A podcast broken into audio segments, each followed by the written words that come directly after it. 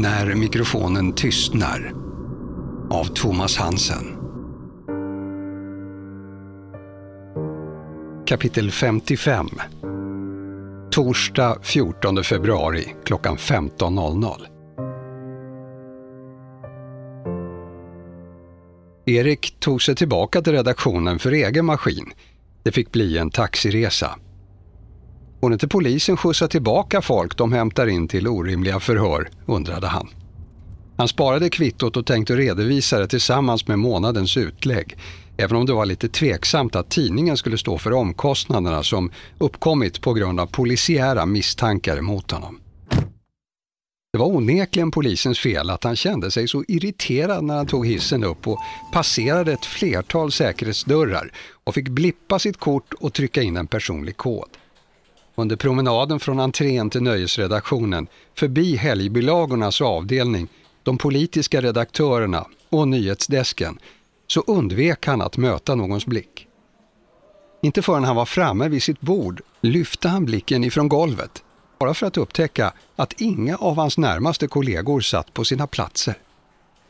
Han satte sig ner och skrev in sitt lösenord på datorn, Inloggningen hann inte bli klar innan han blev störd. Mindre än en minut efter hans ankomst steg chefredaktören fram och uppmanade honom med en försynt gest att följa med in på rummet. Han måste ha sett Erik komma in, kanske till och med suttit och väntat. Erik slog sig ner i besöksstolen och försökte verka avslappnad. Men hans chef lutade sig fram över skrivbordet och spände ögonen i honom. Erik, du måste vara helt rak mot mig nu. Ja, självklart. Berätta för mig vad du gjorde hos polisen. Jag blev hämtad till förhör om hur jag kände alla Nordstenarna. Chefredaktören lutade sig tillbaka i stolen. Han la upp sina kavajklädda armar på stolens armstöd och rättade till den röda slipsen. Erik kunde inte påminna sig att han någonsin sett honom utan kavaj och slips. Han var som en kopia av sin egen byline från sina forna dagar som stjärnreporter. De enda skillnaderna var att på den tiden var håret fortfarande svart. Nu var det grått och att glasögonen bytts ut till en modernare modell. Sådana där överdrivet stora som var på modet. Som Ugglan Helge hade på tv när Erik var liten. Att känna en familj blir man inte hämtad till förhör om, om det inte fanns någon misstanke. Vad är du anklagad för? Ingenting. Men du känner ju till vad jag var med om för 15 år sedan. Och om man dyker upp i en sån här utredning och har den bakgrunden så blir man automatiskt inhämtad. Det är bara så. Erik hörde själv att hans ord utgjorde ett svagt försvar. Det lät som att han försökte vifta bort problemet. Knappast en möjlig lösning när man har en chefredaktör som uppenbarligen har bestämt sig för att situationen är problematisk. På vilket sätt har du dykt upp i den här utredningen? Han betonade dykt upp med tydlig ironi. Ja, men jag har ju skrivit en massa om dem såklart. Men så var jag ju där ute vid deras hus för att prata med dem. Ja, eller mest med Karl då förstås. Och, och, då var jag den sista som ringde på ringklockan innan hon dog. De hittade mitt fingeravtryck där. Okej. Okay. Ställer de frågor till dig som om de misstänkte dig för mordet? N nej, det gjorde de väl inte direkt. De ville veta exakt när jag var där. Man vet nog inte exakt när hon dog. Chefredaktören tittade ut genom fönstret. Erik tänkte att de vajande trädkvistarna där ute kanske skulle kunna verka lugnande. Kanske var det just då det hände. För tidningens högsta ansvarige för innehållet vände plötsligt till att se möjligheterna istället för problemen. Du måste skriva om det här. Du kan utforma det som en personlig berättelse. Nej men det kan jag ju inte, utbrast Erik och kände hur det knöt sig i magen. Att göra den storyn om någon annan, det var inga problem. Men han tänkte verkligen inte kasta sig själv till vargarna. Jo, det kan bli otroligt starkt. Du kan vinna priser på det. Och, och det är sjukt stort just nu. Allt det här. Men jag är ju personligen inblandad. Ja, men du säger att du inte är det och då tror jag på dig. Så snällt då. Men Erik ville absolut inte dra upp den gamla dråphistorien igen och utan den skulle han inte kunna förklara varför han blivit en del av polisutredningen. Men det handlar ju inte om mig det här. Skriver jag om det här så måste jag ta med den där gamla skiten. Och då tar det över. Det blir en helt annan story. Jag fattar att du inte vill att någon ska bli påmind om det som hände. Men nu måste du tänka på att du är journalist och du är berättare. Och här finns det en otroligt spännande historia att berätta, som läsarna dessutom vill veta mer om. Jag vill att du funderar på hur du bäst vinklar det här. Erik lämnade chefredaktörens rum med en stark oroskänsla. Han skulle på inga som helst villkor dra upp sin historia som dömd brottsling och fängelsekund. Han hade jobbat så hårt för att komma ifrån det och tänkte inte acceptera att allt det jobbet skulle vara förgäves. Inte för att det var någon stor hemlighet, men det var åtminstone delvis glömt. Och så ville Erik att det skulle förbli.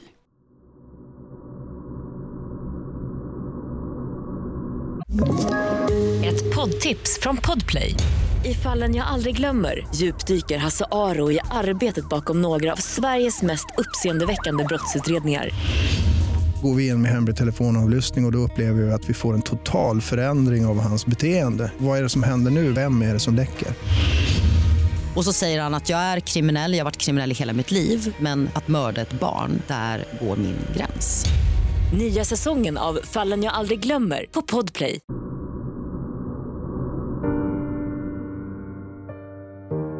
Kapitel 56 Torsdag 14 februari klockan 16.00 Eftermiddagsgenomgången på länskrim kändes åtminstone en aning hoppfull, tyckte Sandra. Utredaren hade fått några nya spår att fundera på och även om flera av dem var svåra att reda ut än så länge eftersom de inte kunde få ett ord ur Karl Nordsten. Den nya kopplingen till Erik Holm kändes svag, men ändå intressant. Där fanns i alla fall ett konkret spår till någon som tidigare blivit dömd för våldsbrott. Joakim Udén sammanfattade intrycken av förhöret med Nöjesjournalisten. Ja, vi kan ju inte bortse från hans dråphistoria och att han bevisligen befunnit sig på den plats där Silvana Nordsten hittades död, dessutom ungefär vid den tiden då hon dog. Men Erik Holms tänkbara motiv för att mörda henne är ett luddigare område. Det är faktiskt svårt att förklara det överhuvudtaget. Det är den stora bristen med det här spåret, tyckte Joakim. Sandra redogjorde själv för dagens samtal med Matilda Haag, Kim Söderberg och förstås Karl Nordsten. Hon hade en frustrerande känsla av att inte ha fått en enda ny pusselbit trots att hon träffat sin huvudmisstänkte och dessutom fått initierade beskrivningar av dennes förolyckade dotter och hennes umgänge. Så var det Franssons tur att hålla upp några papper. Det här är telefonlistorna och kontoutdragen från pappa och dotter Nordsten och den mördade Robin Eriksson, började han. Jag har också begärt ut samma uppgifter gällande Silvana Nordsten. Okej. Okay. Vad har du hittat? frågade Annika. Jag tycker det är mer intressant vad jag inte har hittat. Det är till exempel lite märkligt att kommunikationen mellan herr och fru Nordsten var minimal. Och Alicia hade inte heller särskilt mycket kontakt med sin mamma. Inga samtal under hela veckan, bara ett sms från mamman till dottern. Nu går visserligen inte alla meddelanden som sms via operatörerna längre och det är ofta i iMessage och liknande tjänster. Men eftersom jag har fått Alicias telefon uppskickad ifrån Växjö så har jag kunnat leta där också. Och det fanns inte någon större meddelande historik med mamman via chatt eller andra appar heller. Sandra tyckte att Fransson såg väldigt nöjd ut när han berättade om sin snilleblixt när han kom på att Karl Nordsten förmodligen hade fast telefoni och internet i huset utanför Gnesta. Det var naturligtvis därför Karl inte hade behövt använda sin mobiltelefon. Men efter mycket letande så verkade det inte stämma. Fransson kunde inte hitta några abonnemang som var knutna till adressen. Och vid en kontroll av den genomgång som gjorts av huset och bilen efter att Karl Nordsten transporterats till Stockholm så fann Fransson till sin olycka att det inte fanns någon annan telefon redovisad än Karls redan kända och avstängda mobil. De hade inte heller funnit vare sig modem eller router för mobilt bredband. Det enda som fanns var en mottagare för digital-tv utan möjlighet till internetuppkoppling. Det verkade faktiskt som att Karl Nordsten inte haft någon yttre kontakt sedan fredagskvällen. Ja, såvida de där tio literna bensin inte använts för att åka iväg till något internetcafé vid utvalda tillfällen. Men fanns det ens sådana att besöka längre? Och varför hade han i så fall inte bara slagit på sin telefon igen för att kolla på internet? Medan Karl Nordstens samtalslistor varit ganska enkla att undersöka eftersom de flesta nummer stod på registrerade abonnemang så var det mer jobb att gå igenom Alicias samtal. Betydligt fler nummer gick till och från kontantkort. Återigen var det tacksamt att ha tillgång till hennes telefon eftersom de flesta av numren hade tillhörande kontakter i telefonboken. Många dock med smeknamn eller endast förnamn. Fransson hade fått ringa ett par nummer för att få veta vilka de tillhörde, men det fanns fortfarande ett gäng luckor att gå igenom. Det var inte ett särskilt motiverande arbete eftersom de inte längre letade efter någon mördare i hennes fall. Men kanske fanns någon ledtråd där som kunde förklara hela soppan och då skulle det vara värt alla nedlagda timmar. Det värsta, fortsatte Fransson, är faktiskt alla meddelanden som fortsätter att regna in till Alicias telefon trots att hon har varit död i nästan en vecka. Det kommer sista hälsningar från alla möjliga vänner och från okända nummer också. Och de skriver att de saknar henne och så. Joakim höll en kort redogörelse för de tekniska slutsatserna. Alla insamlade fingeravtryck och prover ifrån Robin Erikssons bostad har gått igenom och kategoriserats, började han. Hur var det med spyan utanför dörren? undrade Sandra. Jo då, den tillhörde mycket riktigt journalisten Alexander Jonsson. Men det finns inga prover inifrån lägenheten som kan knytas till honom. Däremot så fanns en hel del andra fingeravtryck och DNA-spår där inne som vi inte har kunnat koppla till någon. De kan i princip tillhöra vilka människor som helst och det är inte säkert att de var särskilt färska heller. Lägenheten var inte alltför välstädad, för att uttrycka det försiktigt. Ett intressant fynd som fick allas uppmärksamhet var däremot det hårstrå som satt fast på mordvapnet. Det tillhörde en rödhårig man. Någon sån kunde ingen av dem påminna sig att de stött på i utredningen. Det var visserligen inte säkert att spaden ursprungligen var gärningsmannens. Det fanns ingen stöldanmäld spade i närområdet, men sannolikheten att någon skulle anmäla en eh, trädgårdsredskapsstöld måste förvisso klassas som relativt liten. Förutom i just det här fallet skulle det inte vara ett högprioriterat brott hos Polismyndigheten. Ska vi lista våra möjligheter, föreslog Annika Forselius i rollen som spaningsledare. Vår främsta kandidat för mordet på Robin Eriksson är förstås Karl Nordsten, sa Sandra genast. Ja, men om vi börjar där då. Han har inget alibi. Inte vad vi vet i alla fall. Hade han möjlighet? Hade han motiv? frågade Annika. Motiv? Absolut. Han var övertygad om att Robin hade dödat hans dotter, började Sandra. Alibi? Nej, det verkar inte så. Möjlighet? Ja, det skulle jag säga. Det vi vet är att han begett sig till Gnesta på torsdagskvällen. Och vad han har gjort efter det och fram till att vi plockade in honom har vi egentligen ingen aning om. Det fanns gott om tid för att ta livet av Robin i alla fall. Det är alldeles säkert. Vi kollar de självklara sakerna först, sa Fransson med ansiktet ner mot sitt anteckningsblock. Passager vid trängselskatten till exempel. Men han kan ha åkt vid tider när passager inte registrerats eller till och med en väg där han inte passerar kontrollstationerna. Men jag tror inte på det här. Bensinen som han har använt räcker inte för att åka tur och retur till Hässelby. Han har i så fall kört till någon söderförort och tagit tunnelbanan därifrån. Om han inte stannat någonstans och tankat några liter extra kontant förstås, eller tagit med sig en bensindunk och fyllt på med den bensinen. Men varför skulle han göra det? Det är inte logiskt. Just det där med bensinen tyckte Sandra var väldigt konstigt. Han borde ha tankat fullt i Gnesta. Men vart hade han då åkt för att få tio liter som diffade? Knappast för att handla någonting. Hon hade kontrollerat att det verkligen hade legat två femhundringar i plånboken. De pengarna motsvarade de kontanter han tagit ut och kortet hade han inte använt. Hans telefon har vi ju redan kollat, fortsatte Fransson.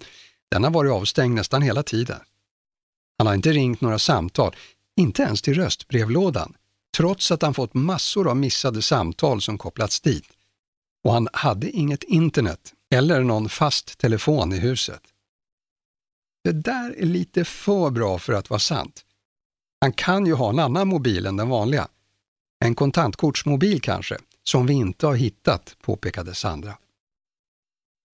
Fransson gjorde en rad anteckningar. Sandra visste att han inte skulle ge sig förrän han hittat svaret på alla frågorna. Vi måste också gå igenom alla konversationer i Alicias telefon ordentligt. Det kan ju finnas sparat sedan telefonen var ny, i princip, sa Annika. Ja, faktiskt ännu längre, menade Fransson. Om man backuppar en iPhone, och det gör man ju i princip automatiskt, så importerar man sina gamla meddelanden när man skaffar en ny telefon. Om man inte har ställt in att de ska tas bort förstås. Ännu större anledning att gräva, särskilt efter allt som har med Robin att göra. Men vad är hans telefon förresten? Ja, vi har den, men eh, det fanns i princip inget på den. Han hade nog för vana att ta bort alla meddelanden när han läst dem. Bland sociala medier så använde han bara Instagram och då var det för att lägga upp bilder på sin egen nakna överkropp. Det var också mest sådana bilder han hade på telefonen och några på en kvinnlig bar överkropp också. Jag gissar att det är Alicia, men huvudet syntes inte på bilderna, så det vet jag inte säkert. Men det spelar kanske ingen roll heller. Det kan gå att återskapa en del av de meddelanden han hade raderat. Jag har skickat iväg den så att vi gör ett försök. Om det var någon annan än Alicia på de där bilderna så kanske vi behöver veta det, tyckte Sandra. Om man hade någon annan tjej vid sidan om, tänker jag. Vi borde kolla det på, på något sätt. Skicka bröstbilderna till Växjö och be dem jämföra med obduktionsbilderna. Det fanns inte så mycket mer att tillägga när det gällde det här spåret, så Annika ville fortsätta till nästa. Vem förutom Karl Nordsten skulle vilja få bort Robin Eriksson? undrade han. Jag får känslan av att Alicia själv inte var så förtjust i honom, sa Sandra. Hennes kompis Matilda sa att deras förhållande inte var särskilt bra på något sätt egentligen. Som jag förstod det så fortsatte Alicia tillsammans med honom för att han var snygg och för att hon eh, hade någonstans att fly när hon ville slippa ifrån sin kontrollerande pappa. Hon hade varit mer kär med den förra pojkvännen Kim, men honom hade Karl Nordsten skrämt bort. Skrämt bort? Hur då? undrade Annika. Jag vet inte om det var något våld i det, det behövdes nog inte skulle jag tro. Men han hade mer eller mindre gjort slut på deras förhållande. Bara talat om att de inte skulle vara tillsammans mer. Och visst, hon var bara 15 då, men ändå. Pappan var väldigt kontrollerande mot hennes pojkvänner. Jag tycker inte det verkar orimligt att Karl Nordsten vill göra slut på förhållandet med Robin också. Det är i alla fall ingen lycklig historia. Silvana Nordsten sa att de inte hade sett så mycket av Robin hemma hos sig. Men, började Annika, även om Robin inte var Alicias största kärlek så ville hon väl knappast döda honom. Förresten var hon väl själv redan död när han dog. Hon kanske lejde en torped? sköt Joakim Udén plötsligt in. Annika höjde menande ett ögonbryn. Annars är det oftast den enklaste lösningen som är den sanna, sa hon med en tydlig ton av ironi. Det säger ändå något när vi inte ens kan komma på någon annan rimlig kandidat än den vi redan har i förvar. Jag tycker vi gräver vidare när det gäller Karl Nordsten. Men vi måste kolla upp Erik Holm också. Det kanske fanns motiv för honom att döda både Silvana Nordsten och Robin Eriksson. Vi har bara inte hittat dem än.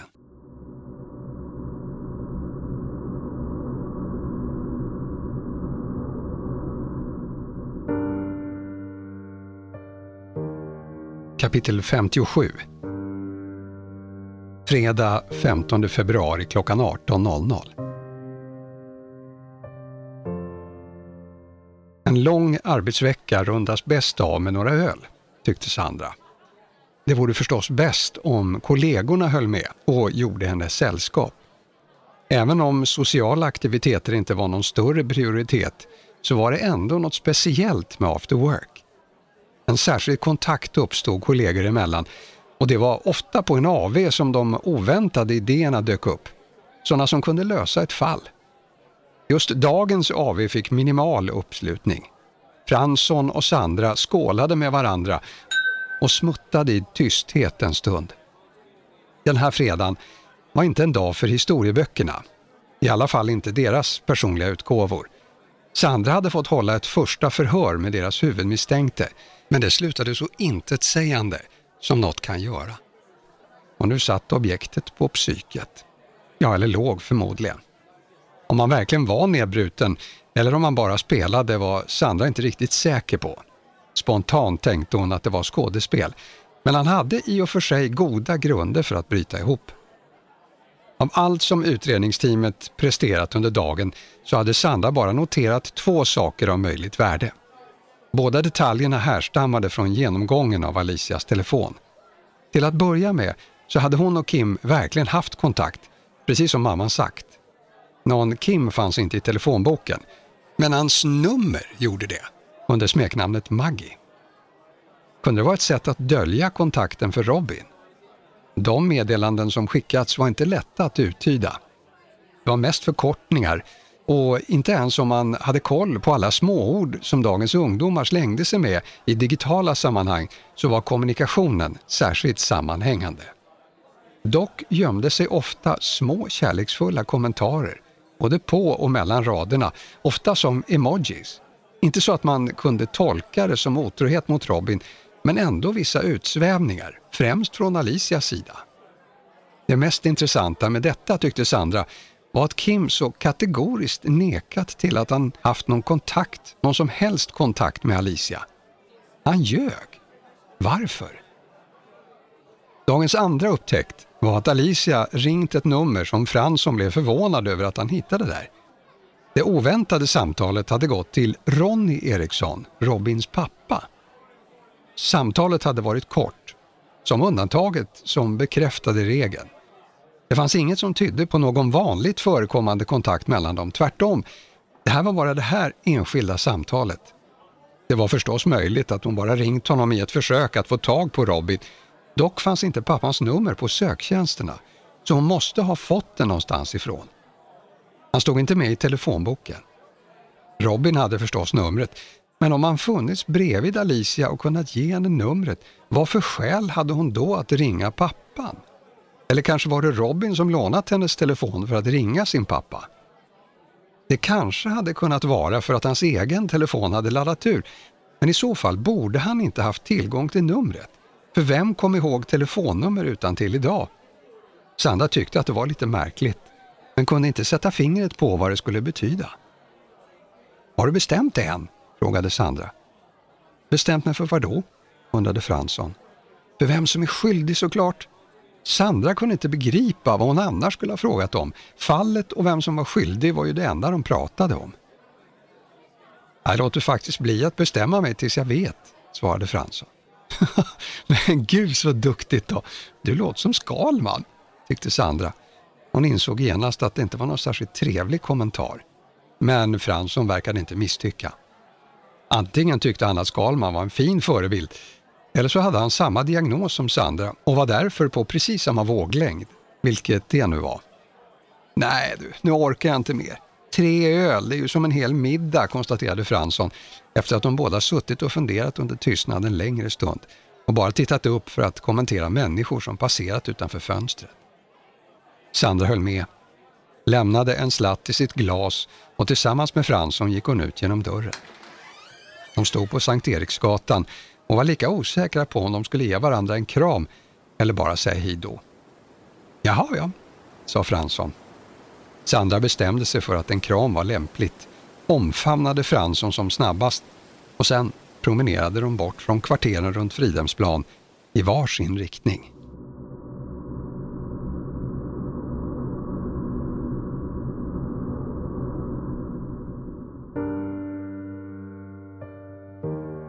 Kapitel 58 Lördag den 16 februari klockan 20.00 Festen fortsatte. Det var dags för en ny deltävling i den stora festivalen, denna gång i Linköping. Förra helgens tragiska omständigheter verkade som bortblåsta. Ett nytt konfettiregn var laddat och TV hade till och med klippt bort passagen om Alicia Nordstens diskade bidrag ur sammanfattningen som inledde programmet.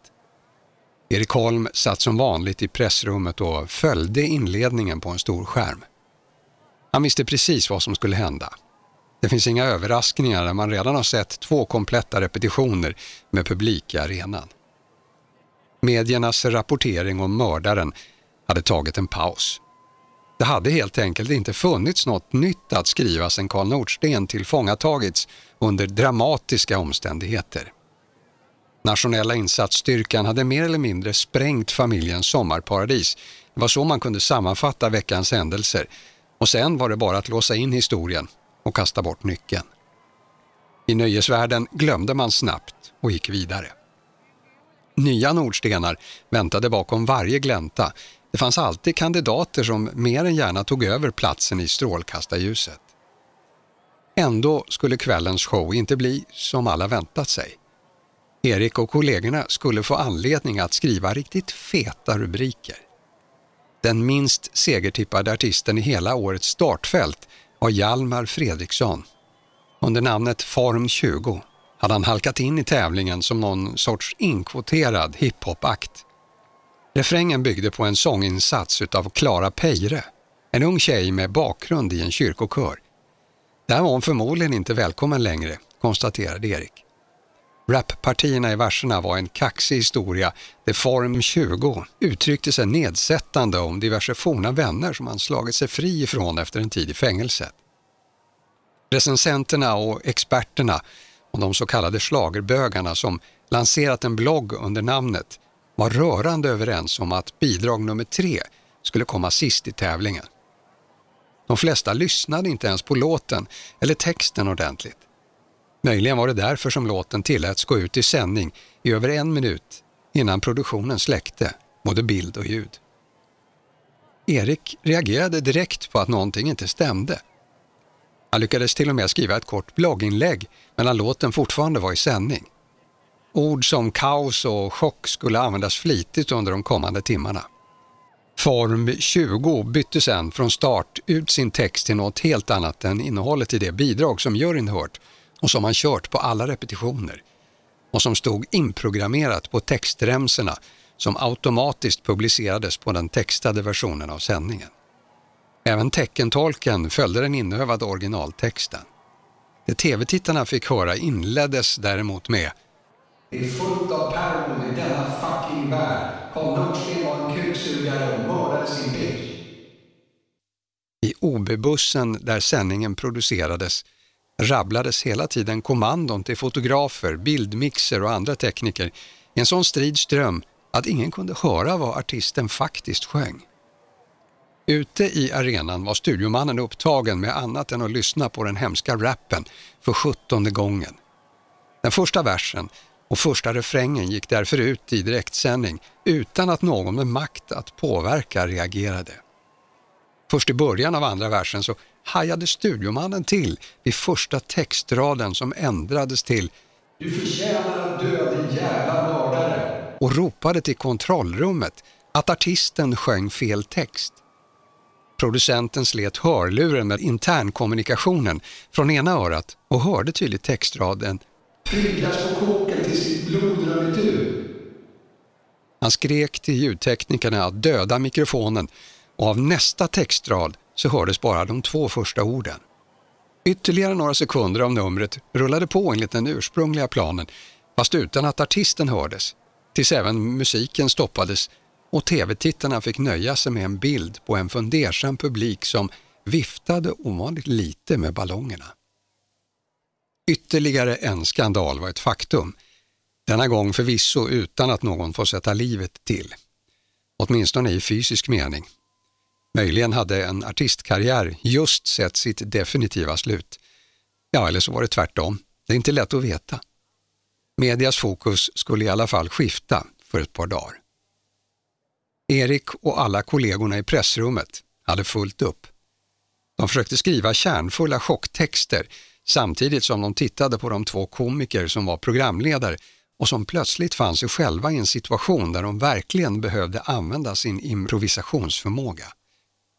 Detta lyckades trots allt ganska bra, men låten framfördes inte på nytt utan programmet fortsatte med nästa låt. Och när snabbreprisen kom så syntes ett klipp från repetitionen tidigare på dagen och efter att alla röster ramlat in stod det klart att låten kom på sista plats. Och därmed var dramat utagerat. Åtminstone teoretiskt. Årets stora kupp, chock och katastrof var naturligtvis ett faktum. Form 20 hade faktiskt lyckats flytta uppmärksamheten från Karl och Alisa Nordsten. Och nu startade istället diskussionen om det verkligen var lämpligt att direktsända en sån här tillställning. Och hur skulle det vara möjligt att ingen reagerade snabbare på det budskap som kablades ut osensurerat i Sveriges största program?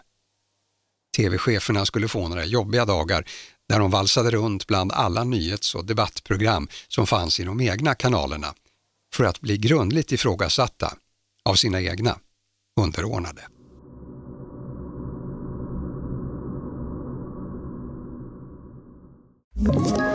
Ett poddtips från Podplay. I fallen jag aldrig glömmer djupdyker Hasse Aro i arbetet bakom några av Sveriges mest uppseendeväckande brottsutredningar går vi in med hemlig telefonavlyssning och, och då upplever vi att vi får en total förändring av hans beteende. Vad är det som händer nu? Vem är det som läcker? Och så säger han att jag är kriminell, jag har varit kriminell i hela mitt liv men att mörda ett barn, där går min gräns. Nya säsongen av Fallen jag aldrig glömmer på Podplay.